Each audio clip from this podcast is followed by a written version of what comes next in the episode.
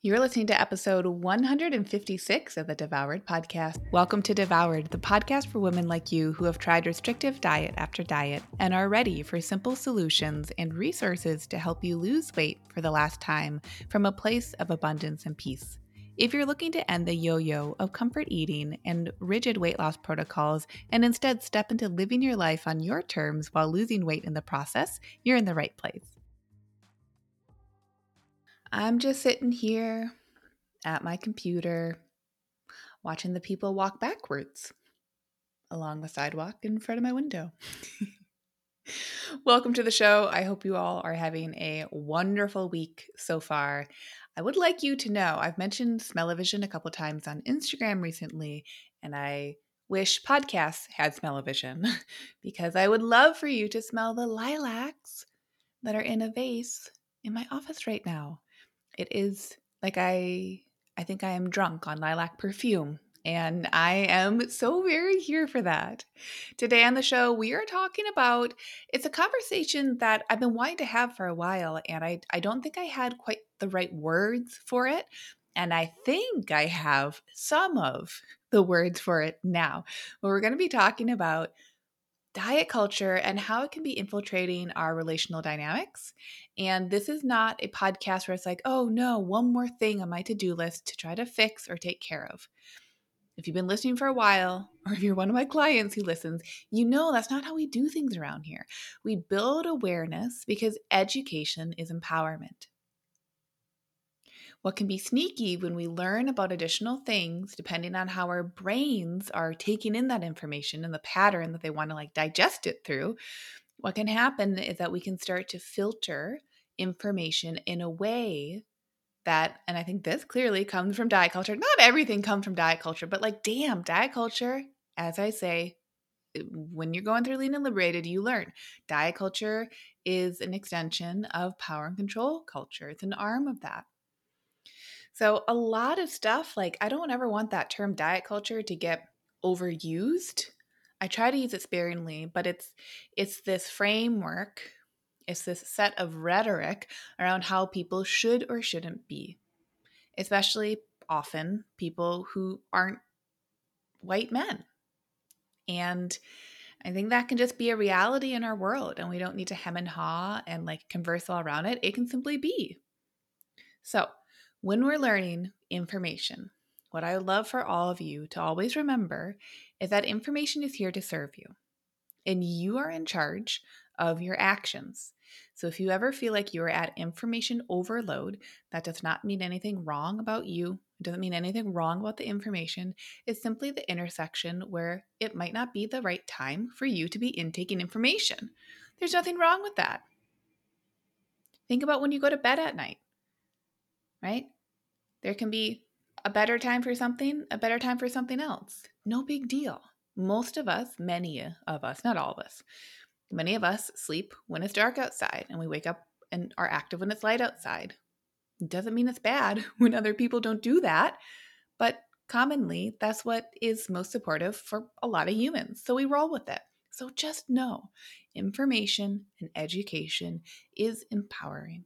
I truly like when I started my essential omnivore food blog way back in the day, and I was writing my bio, my about me page, I really remember just sinking in, really taking time with that about me page to share why is it that I felt so compelled to share about back in the day with gluten-free diets.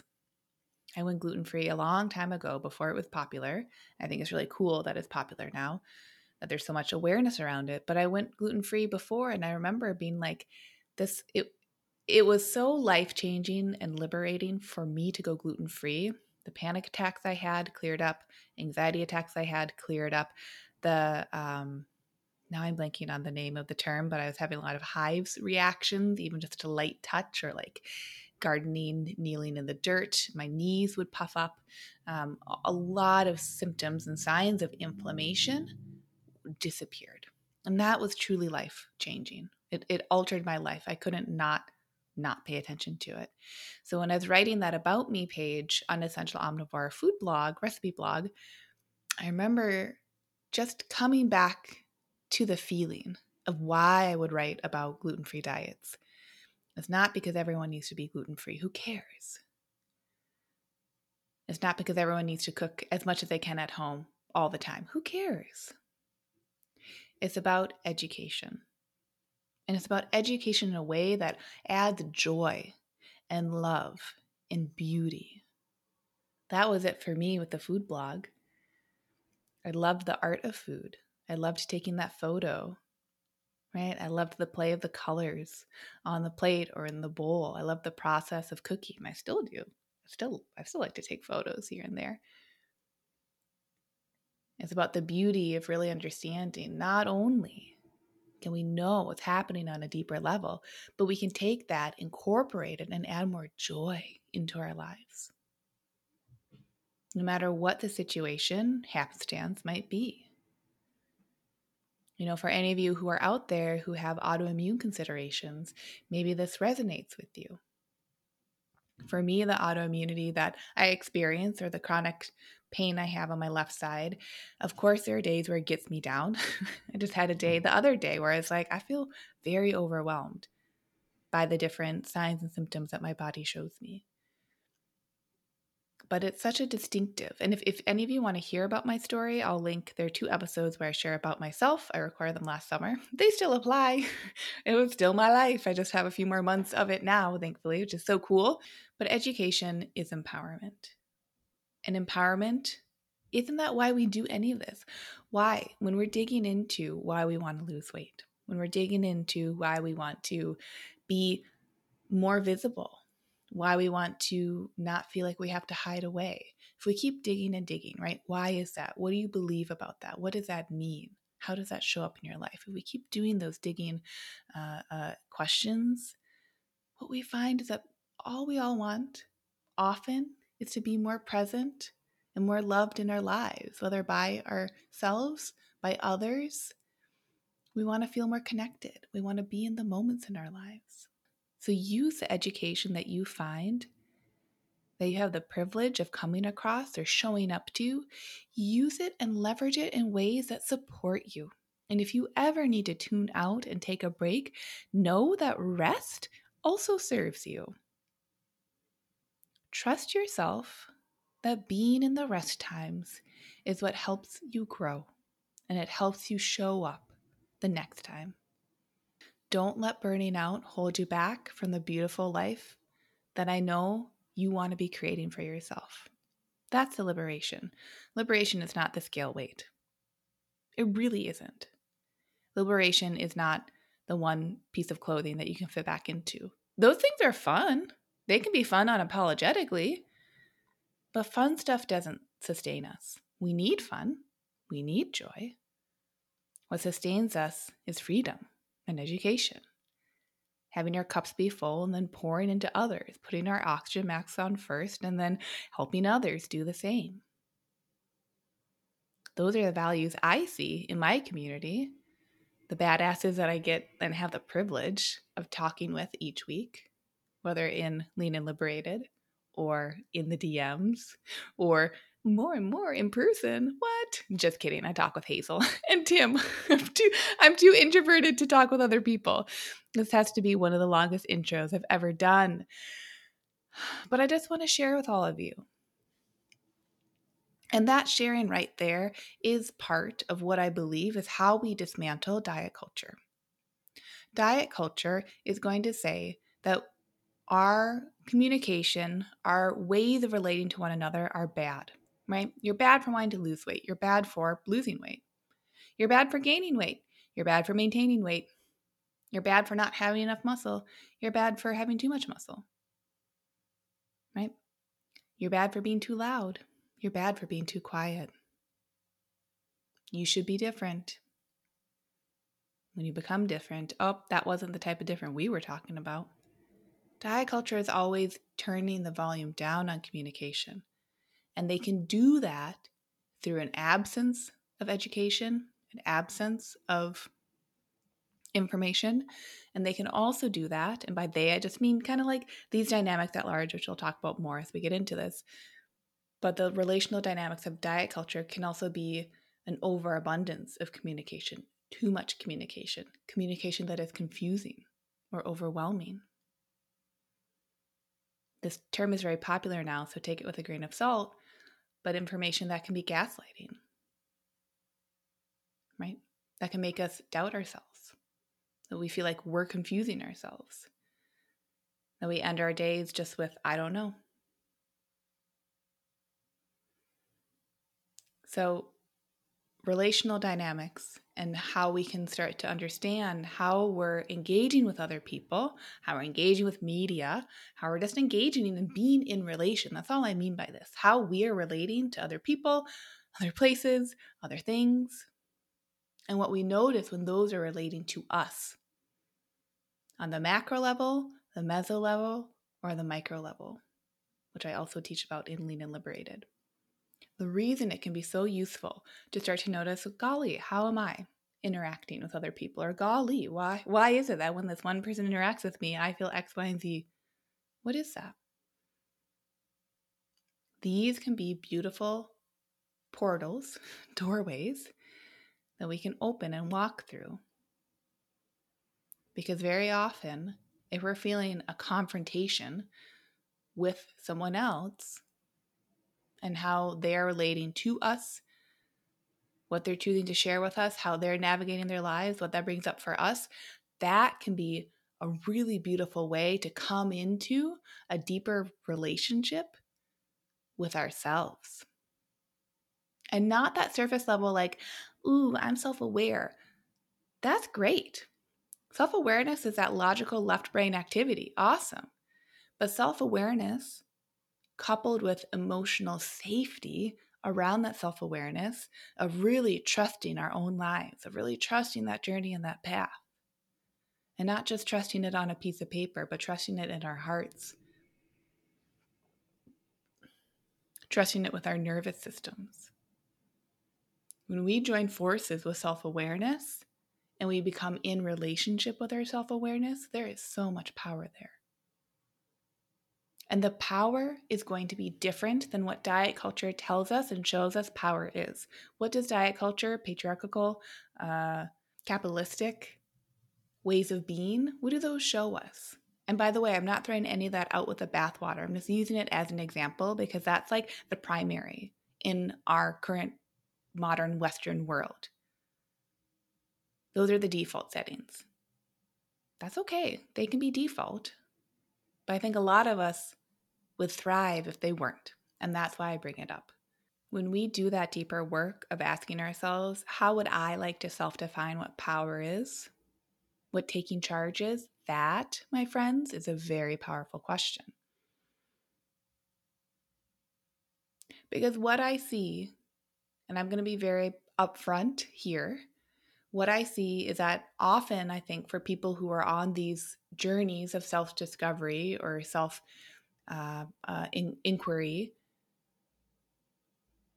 of feeling confronted let's say with diets even. What's what's really common there? When someone realizes that they've been like steeping in diet culture they're and they don't want that anymore for whatever reasons they have their first reaction might be to do the opposite. What is the opposite? Being anti-diet.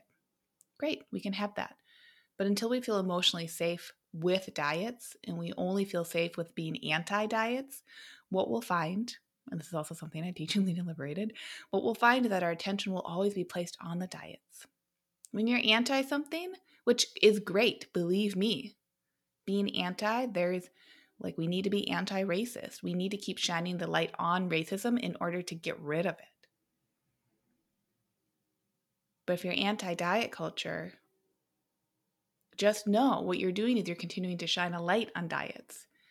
So it's not that anyone, like, we can't not have a relationship with diet culture because we're still steeped in it. So, what can become more useful is start to say, how would I like to define the power that I do wield in the ways that I want it to express itself? That's when diet culture like loses its grip on us because we're no longer playing within the realm of what is already defined as power. Right? Being the loudest one in the room, stomping on other people, using bullying techniques. aggressive marketing. Like to move and change the game, we have to move through that phase of completely rejecting the game. And then we have to come back and understand that it isn't about white knuckling onto not being within the game. Our own freedom, our own liberatory life experience is saying the game is allowed to be played, and I'm going to go continue to live my life here. Doesn't mean I don't have a relationship with the game. It just means that my attention isn't on that relationship. We can't make anything go away just by pretending that it doesn't exist. We have to be with the truths and the realities. And that is a part that often a lot of us need to grieve. We need to grieve that diet culture is real, power and control culture is real, and they have hurt a lot of us. And they've hurt us from the tiniest paper cut to the biggest wound. That's so often what I, I think is so reparative is that if we just deny that, try to stomp it out, that deeper healing isn't given a space. We aren't given a space to grieve. We just cut it off, but it's short sighted. I think the long term approach to health and wellness beyond diet culture, to health and wellness that is inherently a liberating experience, is an acceptance of what is, because that allows us to step beyond. So, being relational and what we notice when we're interacting with each other, when there are power dynamics that come up between certain people, when we're dropping into all or nothing thinking, when we think it has to be this or that, when we're feeling like we have to be perfect, otherwise, dot, dot, dot. When the world is riding on our shoulders and we have this like mental filter, a negative bias. Do you see that it's the patterns that we're existing in? That if we step out of those patterns, that's then the real threat to diet culture. Because then diet culture doesn't have a say in what we're doing. Right? When we can fully love that those mental filters that others are engaging in have a negative bias, when we can love that there is going to be all or nothing thinking. It's not our job to get rid of it completely, it's just our job to be aware of it. When we can start to love that for ourselves, or when we can love that when we see it in other people, that's when our shoulders will drop. Our muscles will relax because we'll feel safe. So I want all of you to know today that if things don't feel safe in terms of diet culture, that's okay. It's not your job to figure it out completely, logically or emotionally. It's just our job to start to show ourselves emotionally, physiologically, logically too, that we can coexist while these certain things are happening. We don't have to fight the truth. And we can root into our own definitions of what do I find as power? What is that for me? It might be different than what has been demonstrated and showed to me my whole life. Do I trust that it can be different? What is my definition of vulnerability? How would I like to show up to that? Where are the people who are engaging in this work? Where are the people who are engaging with their values? How am I in relation to any of that? What do these subjects mean to me? You see how we don't even have to touch the food? on a lot of this stuff. The food starts to be secondary. When we shake out our nervous systems, often we can be shaking out years of tension that we've had to hold on to because it's been the safest option. See how education is empowerment? It doesn't even have to be specific things, right? You could be here being like, wait, what did Lucia actually say in any of that episode? It's concepts, it's conceptual. But that's what we are. I think that's the beauty of like being so human is that we have this ability to be conceptual. We have the ability to engage in art and music. We have the ability to be creative. When we allow that safety conceptually to drop into our creativity, I think what a lot of you might find is that you get to create the capacity to trust that you are 100% whole in this moment, no exceptions. No matter what the story's been before, no matter what you think about the story from before, no matter what the future might be, no matter what the future and its story could be.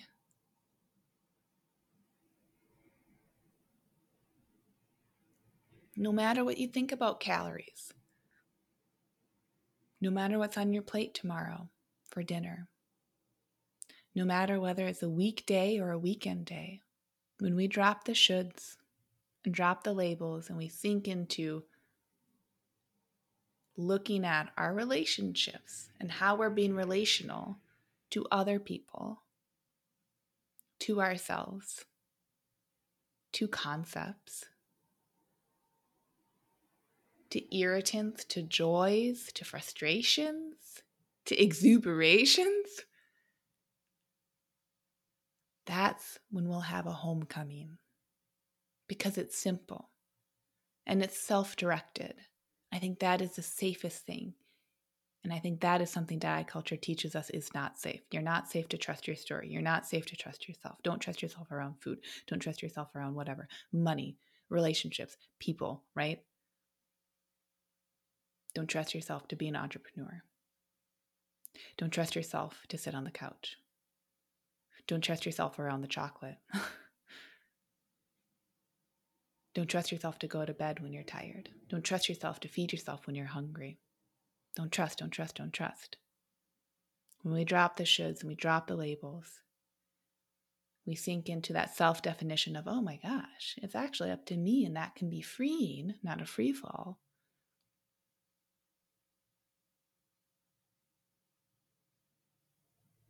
That's when we see that liberation was there the entire time.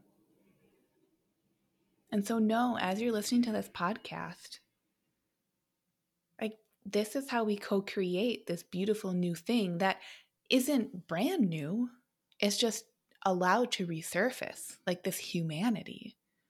It's incredibly human what we do here. We're not joking anyone. We're not trying to like move ourselves to be completely new people and reject the old identity. Like so much of some of this stuff can go in a really weird direction, quite frankly. I have lots of thoughts. But it's always about the humanity that is self directed from within, from you, for yourself, for yourself, by yourself. It's that deep inner knowing I can trust myself. I might not know everything, I might not do all the things, but I can trust myself to be. That's going to be a beautiful way to turn the volume down on diet culture and just to let it be because it will be. I, I don't think it's going anywhere for the next couple generations. It can't not. But as we show up to these subjects, I think that's what turns the volume down. And we get to see all this. It's like going for a ride in the car, right? And you're trying to uh, like read a sign, so you turn the volume down on the radio. It's like that. When we turn down the volume on the stimulation of diet culture, we're able to see the signs more. We're able to notice what street we're driving on, where we're going. So I think I'd like to continue this subject in another episode. I want to perhaps offer you tangibles around this, but I wanted to lay the framework conceptually for what these dialogues can be. Like, this isn't uncommon in coaching sessions that we start to dig into these deeper beliefs about ourselves, about our lives. Just like diet culture is an arm, it's an extension of power and control culture. The specifics of whether we eat the chocolate or we don't, we do the diet or we don't, we hate ourselves or we love ourselves, that's just like the pinky on the arm that is the extension. It's a pinky on the arm of diet culture that is the extension of power and control culture. It's just a little offshoot, it's a sign.